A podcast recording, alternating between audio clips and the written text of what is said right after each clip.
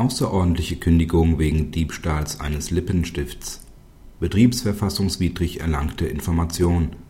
Eine Verletzung von Mitbestimmungsrechten des Betriebsrats bei der Erlangung kündigungsrelevanter Informationen durch den Arbeitgeber führt nicht zu einer Unverwertbarkeit dieser Informationen in einem Gerichtsprozess.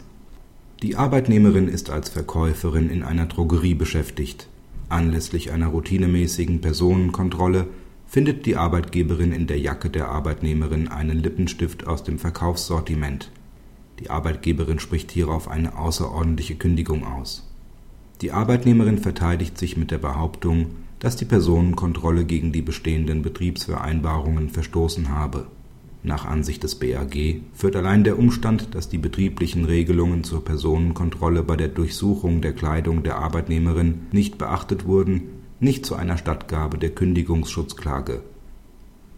Es bedarf vielmehr der allgemeinen Prüfung, inwieweit sich die Arbeitnehmerin den Lippenstift rechtswidrig zugeeignet hat. Es ist dagegen nicht gerechtfertigt, den unstreitigen Fund des Lippenstifts wegen eines möglichen Verstoßes der Personenkontrolle gegen bestehende Betriebsvereinbarungen im Prozess von vornherein nicht zu berücksichtigen. Ein allgemeines Beweisverwertungsverbot für mitbestimmungswidrig erlangte Informationen kennt das deutsche Prozessrecht nicht. Vielmehr gilt aufgrund der Dispositionsmaxime und des Verhandlungs und Beibringungsgrundsatzes, dass ordnungsgemäß in den Prozess eingeführter Sachvortrag grundsätzlich auch von dem zur Entscheidung berufenen Gericht berücksichtigt werden muss. Der beigebrachte Tatsachenstoff ist entweder unstrittig oder unbewiesen, aber nicht unverwertbar. Auch das Betriebsverfassungsrecht enthält für mitbestimmungswidrig erlangte Informationen kein Beweisverwertungsverbot.